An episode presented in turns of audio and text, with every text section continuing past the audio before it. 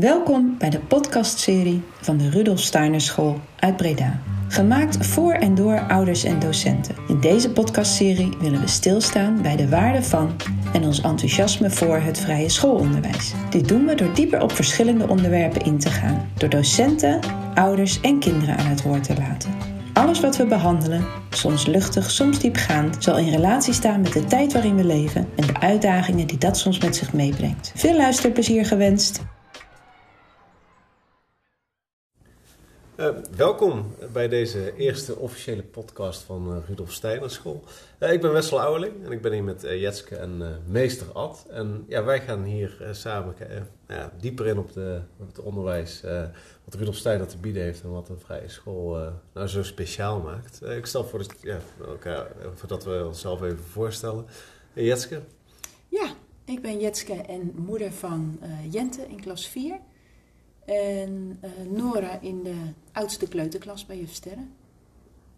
Ja, en ik ben uh, meester Ad, Ad van Gol. Um, en ik werk hier al geruime tijd uh, zeg maar op de school. Ja. Nou, welkom. En ja, vanavond willen we gewoon om te beginnen eens wat dieper inzoomen op, op school aan zich. wat is het, het, doel van onderwijs en, en waarom is dat juist in deze tijd zo, zo belangrijk? Uh, Ad, um, nou, wel bekend in het vak, al uh, hoeveel jaar uh, al actief in het Ruim 40. Ruim 40 ja. jaar. Dus, en had je 40 jaar geleden al bedacht dat je na 40 jaar een, een podcast op zou nemen over het, het onderwijs? Nee, absoluut niet. Ik had 40 jaar geleden misschien niet eens gedacht dat ik het onderwijs in zou gaan. Dus. Okay. Kun je daar iets meer over vertellen? Um, ja, dat is eigenlijk een toevalligheid geweest. In de zin van dat ik niet goed wist wat ik wilde gaan doen. En in die tijd was het toch een beetje ja, zeg maar dan de pedagogische academie iets waar je dan makkelijk voor kon kiezen, want dan kon je nog alle kanten uit. Dus zo ben ik er eigenlijk eh, mee begonnen. Hier in Breda, op de, gewoon op de Sint-Frans, dus zeg maar de reguliere PABO. En omdat ik al wat ouder was, want ik had ook in het middelbaar onderwijs al wat omzwervingen gehad, uh, was het zo dat, uh, ja, dat, dat, dat ik me uh, in die opleiding zeg maar niet, uh, niet heel erg heb terug kunnen vinden. Dus ik was wel, ik heb het wel afgemaakt, want ik had zoiets van nou dan heb ik in ieder geval een diploma. En ben toen eigenlijk het, wel het onderwijs ingestapt, maar ik had al gauw na een jaar regulier onderwijs toch zoiets van nou ik wil toch wel wat meer. En ik merkte ook op de opleiding inderdaad van goh, als op deze manier jongvolwassenen opgeleid worden om met kinderen te gaan werken, dan ja, dan houd ik mijn hart vast voor sommige klassen in dit onderwijs, zeg maar. Uh, dus ja, dat is eigenlijk uh, uh, zeg maar de start geweest. En toen woonde ik dus inderdaad hier in een flatje naast het gebouw van onze school. wist dus niet dat hier de vrije school was. En heb toen gereageerd op een, op een vacature die er was. Om gewoon eens te kijken van, goh, er is blijkbaar ook nog een ander soort onderwijs. En op de opleiding hadden we er heel weinig over gehoord. Had ik me ook niet in geïnteresseerd, zeg maar. Dus ben dan uh, met die sollicitatie meegedoen, heb verschillende gesprekken gehad. En ja, toevalligerwijs, uh, aan het einde van de periode werd mij de vraag gesteld of ik inderdaad die baan wilde oppakken. Zo ben ik eigenlijk het onderwijs ingegaan. Ik heb, nou, zoals in alle dingen van het leven, zeg maar, maak je daar dalen en, en, en pieken in mee. Uh, maar tot nu toe eigenlijk geen spijt gehad om, uh, om met mensen en met kinderen zeg maar, aan de slag te gaan. Want hm. dat is toch wel mijn ding geweest. Ja, ja is wel ja. een bijzondere start dan die je gehad hebt. Ja. Waar je, als ja. ik het goed begrijp, uh, juist hebt gezien hoe je het niet wilde. Ja, ik, ik reed daar vooral met stapels schriften naar huis en stempeltjes zetten en plaatjes plakken. Dat was de meeste tijd, zeg maar, buiten de klas ging daaraan op. Het was een hele leuke school, uh, overigens, wel van een enthousiast team en jonge mensen. En ik, ik, was daar begonnen in de eerste klas. Met jonge kinderen vond ik op dat moment leuk om uh, mee te starten, zeg maar. Dus dat was er allemaal wel, maar ja, nee. Uh, ik had toch het idee van, er moet ook ruimte zijn voor andere zaken. En het was een driestromige school, Dus het programma stond daar vast en het werd iedere week met de twee ervaren juffen doorgesproken. En dan wist ik weer wat ik de volgende week te doen had. Je gaf ruimte voor andere zaken. wat voor zaken ja, ik, ik, ehm, ik, was natuurlijk aan het werk met de kinderen in de klas en dan had ik mijn vaste programma van talen rekenen wat ik moest doen. Eh, en ik zag gewoon van ja, ik, kan de kinderen wel een hoop dingen leren, zeg maar, een hoop hoofdzaken leren, maar ik zie ook dat andere dingen ook nodig zijn om de kinderen, zeg maar, een beetje gelukkig te maken. En ehm, ja, als het dan om de creatieve vakken ging, uh, dan, dan was er heel weinig ruimte voor. En ook daar was vaak zeg maar dan toch, uh, ja, vond ik dat zo arm eigenlijk, dat ik het idee had van nou, ik raak wel de dingen aan, maar echt mee aan de slag kan ik niet. En een ander ding speelde ook, dat was eigenlijk ook een heel belangrijk motief zeg maar, om, om iets anders te gaan zoeken. Ik zag gewoon, kinderen hadden een half jaar soms nodig om aan mij te wennen als leerkracht.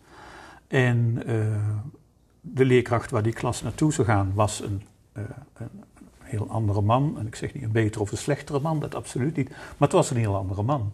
Dus ik zag al kinderen in mijn groep die ik had leren kennen, die het volgende jaar dus bij hem in de groep zou zitten. Die zag ik alweer dan weer een half jaar wennen.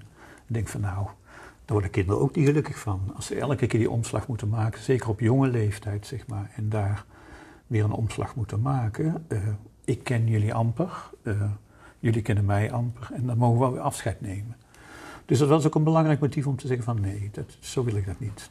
Dan maar zoeken naar iets wat op een andere manier werkt. En dat, nou, dat vond ik dan hier wel meteen. En toen gingen we ook nog zes, zeven jaar met de klasse mee. Dus dat was iets waar ik zoiets had van nou, dat, ja, dat past veel beter. Dat past veel beter, ja. En ik hoor je een aantal keer zeggen van echt het geluk van de kind. Ik denk als je aan iedere ouder vraagt van wat hoop je voor je kind. Ja. Dus van ik hoop dat hij gelukkig wordt. Alleen ja, wat, wat is gelukkig? Ja. laten we dat. Ja. Um, en ja, school. Ja, we sturen onze kinderen toch uh, aardig wat uren in de week uh, naar school. En als je even dat in oogpunt. Wat is ja. volgens jou het, het doel van school aan zich? En dan heb ik het niet over uh, vrij schoolonderwijs, maar gewoon nee. onderwijs in het algemeen. Wat, wat hopen wij daar als samenleving ja, mee te bereiken? Ja, het, het, is natuurlijk wel een verschil, zeg maar. Toen ik startte uh, was het onderwijs vooral gericht op zeg maar, de cognitieve ontwikkeling. Dus de ontwikkeling van een kind zeg maar, in het leren vooral. En langzamerhand, dat zie je natuurlijk in het regulier onderwijs ook wel, zijn andere dingen belangrijker geworden. Uh, dus ook het welzijn van de kinderen, ook een stukje burgerschap, al die termen zeg maar, die de laatste tijd dan soms naar mijn gevoel ook wel gedropt worden in het onderwijs. Van hè, los jullie dat daar maar op. En hopen we dat daarmee de oplossing komt voor alle maatschappelijke problemen die er zijn. Ja. Uh, dat zou er moeten bijdragen tot, tot het geluk van een kind. Maar ik denk wat ik vooral heb gezien is dat, uh, ja, zeker in die periodes waar ik de kinderen langer heb kunnen begeleiden, dan heb je aan het begin van zo'n zo'n periode met ouders een gesprek. Die dragen het kind aan je over. Uh, je, krijgt dan een soort beeld van het kind. Daar zit een soort, ja, je zou kunnen zeggen, een soort leidmotief in. Uh, en dat leidmotief is iets wat het kind altijd met zich meedraagt. Want ik heb vaak voorspeld ook van, nou, het gesprek wat we in de eerste klas met de ouders over de kinderen hebben, dat hebben we weliswaar soms wat gemetamorfoseerd, maar toch, dat leidmotief zit er bij het kind uh, in de zesde klas nog steeds in. En hoogstwaarschijnlijk als je dat kind in zijn 32 jaar tegenkomt en in zijn 56 misschien, zit dat leidmotief er nog steeds in. Dat is dus iets wat ieder wezen zeg maar, in de kern met zich meedraagt. Dat is onraakbaar, dat is wel, uh, ja, je kunt dat wel uitdagen, je kunt daar wel zeg maar, vormend op werken, maar toch, het is het eigene van het kind zeg maar, wat hij met zich meedraagt. En dat is ook iets wat je moet, ja, wat je moet koesteren uh, en niet, niet kapot ja. moet maken. Zeg maar. En ik had het idee, als je dat dus eenzijdig, uh, ja, te eenzijdig benadert, dus alleen maar cognitief benadert, alleen maar de leerbaarheid van dingen uh, voor een kind wegzet, ja, dan, dan krijgt het droge korst. En dan ontwikkel je het niet, maar dan, ja, dan kan het verdorren. Zo. Uh, het leidmotief, dat gaat ook over de mate van introvert en extrovert. Kun je daar iets meer over vertellen? Want ik kan me voorstellen dat dat niet voor iedereen even bekend is. Uh, ja, uh, het, het, is gewoon een woord wat ik zoek, zeg maar, voor als het ware de, de, de kern van een kind. iedere ochtend staan we als leerkrachten hier bij elkaar en dan zeggen we een spreuk waarin we zeggen dat dit geestelijke wezen zeg maar, voor ons is neergedaald en dat we proberen dat raadsel wat het kind met zich meebrengt zeg maar, te ontsluieren. Zo, zo zie ik dat inderdaad ook, dat je als leerkracht inderdaad kijkt van nou, probeert het kind langs alle kanten te bekijken en te bezien en te ontdekken wie of wat hij is. Uh, en waar je kunt bijdragen, zeg maar, om dat wat in het kind, wat je denkt in het kind te kunnen ontdekken, dat leidmotief, zeg maar, om dat als het ware mee te ontwikkelen en dat verder te brengen, zodat het kind ja, in zijn wezen, zeg maar, eigenlijk geraakt wordt. En dat, nou, dan kom je natuurlijk op die verschrikkelijke naam van onze school, hè, die vrije school, dat, waarvan mensen dan denken zo van, nou... Veel vrijheid. Uh, ja, hier mag alles en ze mogen in de gordijnen en dat soort zaken. Uh, Nee, het is juist dat je probeert, uh, dat ik dus niet probeer om mijn ding op het kind ja, zeg maar af te drukken, maar dat ik juist probeer om dat kind zeg maar, in zijn wezen te zien en daar dus allerlei dingen omheen probeer te zetten, waardoor dat wezen van een kind sterker wordt en groter wordt. En dan kan het tot een vrij mens worden. Dus niet een mens die als het ware van buitenaf helemaal gekleurd wordt, maar het mag zijn eigen kleur hebben. En daarbinnen zeg maar dan zo'n ontwikkeling hebben. Dan, wordt, dan word je tot een vrij mens. Dan kun je ook alle uitdagingen die je in je latere leven krijgt, kun je dan ook aan. Want dat is ook iets wat ik in het onderwijs inderdaad heb ontdekt. Middelbaar onderwijs drukt zijn stempel op het basisonderwijs. Het basisonderwijs drukte in die tijd ook zijn stempel op het kleuteronderwijs. Want toen ik nog zeg maar startte was er nog speciaal kleuteronderwijs. En je had dan het uh, basisonderwijs, dat heette toen nog anders. Uh, en op een gegeven moment zijn die opleidingen ook samengegaan. Dat is ook een verarming geweest, omdat je gewoon gezien hebt zeg maar, dat dat spelende karakter van die eerste jaren helemaal wegging. En kinderen dat dus ook uh, voorbereidend lezen, voorbereidend rekenen, al die dingen zijpelden allemaal die leeftijd binnen. Want hè, middelbaar onderwijs had een probleem, want de kinderen waren niet genoeg voorbereid. Dus lager onderwijs moest aan de slag en het kleuteronderwijs moest aan de slag. Nou, nou zijn we zo langzamerhand zover dat misschien daarvoor ook al flink aan de slag moeten om, uh, om dat allemaal maar haalbaar te maken. Nou, dat is een hele verkeerde weg. En doet dat iets af van de aandacht voor het leidmotief waar jij het nu over hebt? Jazeker, het maakt het eenzijdig. Ja. Het maakt het totaal eenzijdig. Te maakbaar en te uh, toewerkend naar een soort gemiddelde, terwijl we Ja. juist dat unieke, Ja. dat hoor ik je eigenlijk. uh, Ja. ja. Ja, en, ja, en, dat, en, en dat, ja, dat, dat breekt het gewoon af. En dat, dat zag ik dus in het regulier onderwijs daar ook al. Hè. Kinderen werden, ja, we werden daar, los van dat het een leuke school was, zeg ik nogmaals, een enthousiast team. Uh, maar kinderen werden, uh, ja, die bleven zitten als ze met taal en rekenen niet mee konden. Mm. Uh, dus daar, ja, dat was de beoordeling, zeg maar. Daar werd je goed op bevonden of niet goed op bevonden. En het was ook dat de focus van de ouders daar ook wel op lag. Als het met het leren goed ging, dan had je geen gesprek meer nodig met je leerkracht. Want dat was fijn, Ja. Dan ging alles goed. Ja.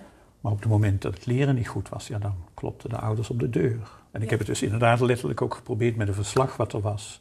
Aan de ene kant taal en rekenen, aan de andere kant eh, zeg maar wat andere zaken, zoals kunstzinnige zaken die beoordeeld werden.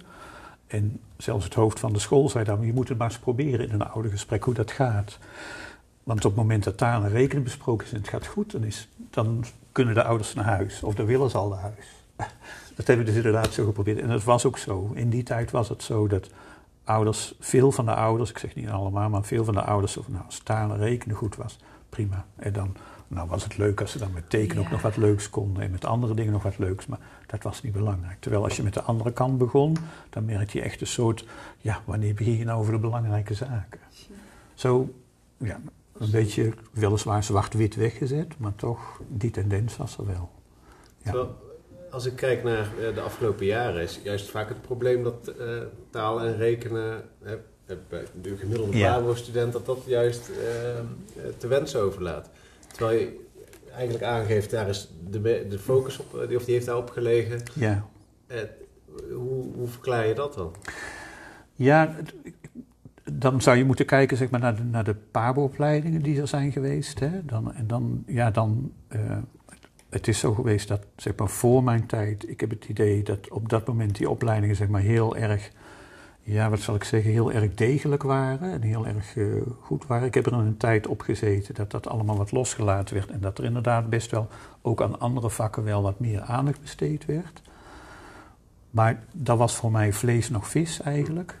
Ehm, en ja, die tijd daarna in de, in de heb ik het eigenlijk niet zo gevolgd. Maar je ziet wel inderdaad dat de, de toelatingseisen zeg maar, wel lager zijn geweest. Als je bijvoorbeeld naar de, Noorse landen kijkt, hè, daar komen mensen met een universitaire graad eh, op, een, eh, op een school terecht. Uh, dus er is de opleidingseisen voor mensen die in het onderwijs zitten, zijn wel een stuk hoger. Ik zeg niet dat het per definitie beter is. Misschien had ik dan nooit in het onderwijs gezeten. Maar ehm, ja, ehm, je, je kunt je daar wel vragen bij stellen. Nou, ook kun je vragen stellen natuurlijk bij dat soort onderzoek en dat soort onderwijs. Dat vind ik aan de andere kant ook wel. Maar het is ook een tendens inderdaad die in het onderwijs wel zit. Uh, en dat daar vechten wij zelf ook tegen. Uh, dingen als grammatica bijvoorbeeld die in de taal zitten, zijn voor de kinderen lastig. Je, hebt, je hebt wel gezien in het onderwijs dat er wel een tendens is geweest om alles wat lastig is, zeg maar, proberen als het ware makkelijker te maken. Uh, dus grammatica, zeg maar, dan een beetje uit de, de methodes te poetsen zodat, het wat, uh, zodat kinderen wat op een andere manier met taal omgaan. Maar dingen als grammatica in een taal zijn denk ik heel wezenlijk en belangrijk, omdat het een beetje de skelet van de taal is. En juist de kinderen daar doorheen helpen en daarmee uh, aan de slag laten, laat ze wel uh, ja, meer verbinding maken zeg maar, met, met, hoe die taal zit en hoe die in elkaar steekt. Dat is een dus, sleutelwoord volgens mij, hè? Verbinding maken met ja, de stof. Ja, eigenlijk wel. Ja, ja eigenlijk wel. Ja. Ja. Die, uh, ja, nou onderbreek ik je. Maar... Nee, dat is, dat is helemaal niet erg. Nee, nee. Maar, dat is naar mijn idee wat ik zie wat mist als je dan net praat over dat maakbare. Ja. ja. Uh, en, en het is natuurlijk ook een lastig ding. Um, en je merkt ook dat er verschillend tegenaan gekeken kan worden. Hè? Om, om, maar een simpel voorbeeld te nemen, als we naar handwerken kijken, dan zie je in het leerplan bij ons op school dat um, zeg maar, dat wat in de klasse gedaan wordt best wel een, een duidelijke structuur heeft. Hè. Er worden sloffen gemaakt, er wordt een muts gebreden, er worden uh, een fluitenzak wordt gemaakt. Praktische dingen eigenlijk. Ik heb wel eens een keer, toen ik nog schoolleider was hier op school, inderdaad een sollicitatie gehad van een juf die wilde komen handwerken. Die vond het maar een armetierige boeltje, zeg maar. Want ja, dat was, het was zo, uh, het was bijna ambachtelijk. Er zat niks creatiefs in. Waarom laat je die kinderen wat plakken met leuke stofjes en uh, met draadjes en dingetjes? dus dat, ja, aan de ene kant kun je dan wel verklaren zeg maar, waarom je dat dan doet uh, en wat daar dan achter zit. Maar het, roept bij jezelf natuurlijk ook wel wakker van ja, er is ook een andere tijd. Er is ook zeg maar iets buiten de school. Uh, laten we dat wel genoeg binnen. En dat is wel steeds zeg maar natuurlijk waar je waar je naar moet blijven kijken, naar mijn idee. Dus niet de deuren en de luiken dicht houden en zeggen van nou, we doen het nou eenmaal op deze manier en laten we het maar zo blijven doen. Maar ook wel kijken wat gebeurt er buiten. Kinderen veranderen ook. Uh, dus je zult ook de dingen moeten veranderen. Je kunt de dingen niet meer precies op dezelfde manier doen zoals ze zeg maar, door Steiner in het leerplan beschreven zijn. Dus dat moet wel een soort omvorming zijn. Maar ja. dat is wel een spannend proces.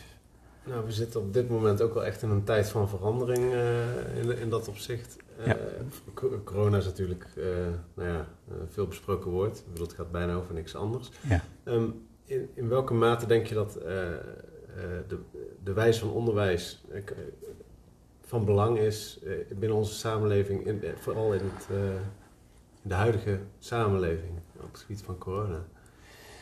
Ja, op het gebied van corona zou ik het niet precies kunnen zeggen. Nee. um, ja, ik formuleer mijn vraag misschien verkeerd, maar... Um, nee, ik moet een beetje aan dat uh, leidmotief denken ja. ook.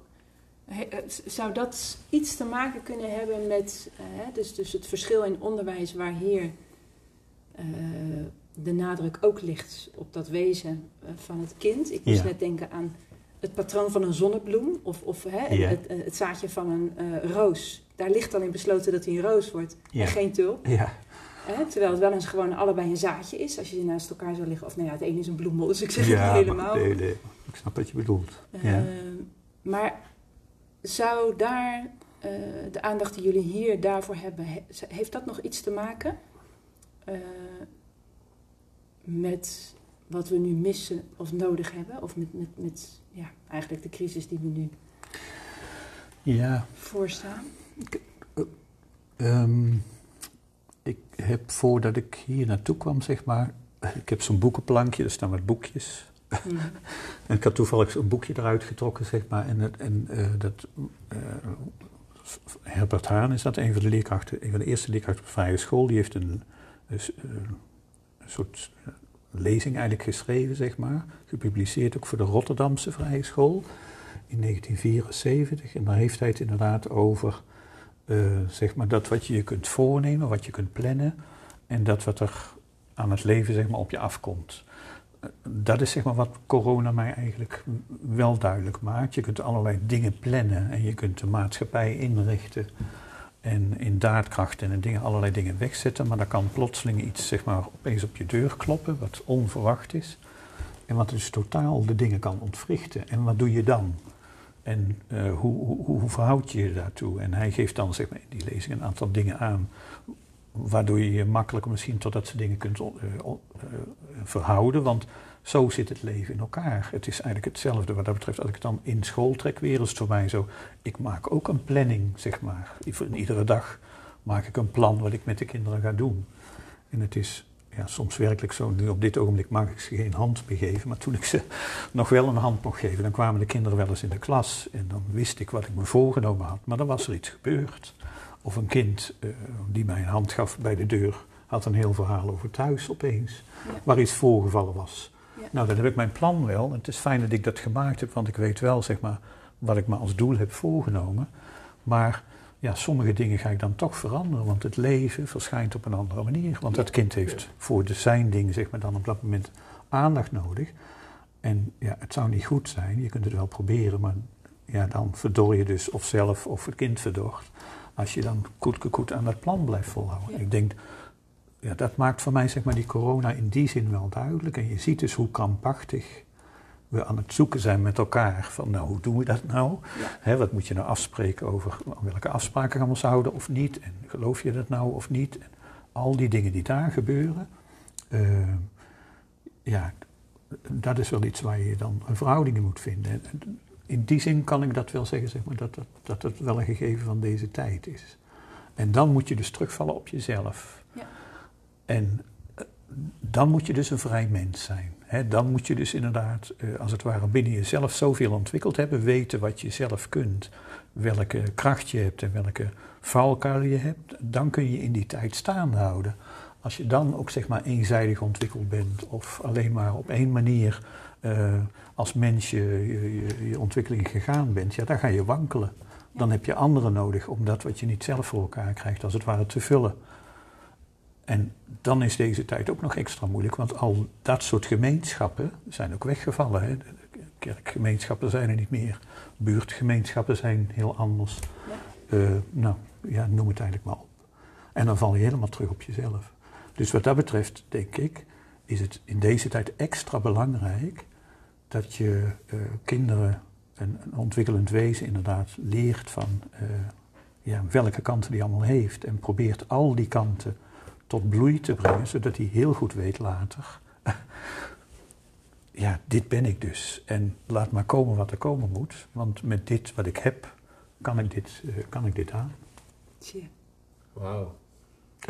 Lijkt me een hele mooie afronding, Wessel. Wat denk jij? Ja, voor, voor deze eerste voor deze podcast eerste zeker. Podcast. Uh, maar ja, ik, ik vind het echt prachtig om, om je zo ja. te horen praten. En ja, het, bekrachtigt in ieder geval mij mijn, mijn keuze om uh, als, als leek, want ik uh, als ouder van, van uh, Tibor in de eerste klas, die ook bij jou in de klas zit, ehm, wist ik nog niet heel veel over het vrije schoolonderwijs. de manier waarop ik erin gerold ben is ook vergelijkbaar ja. met jou in dit geval. Ik woon in de buurt en we zijn van daaruit gaan kijken naar wat, wat, welke school gaat het worden.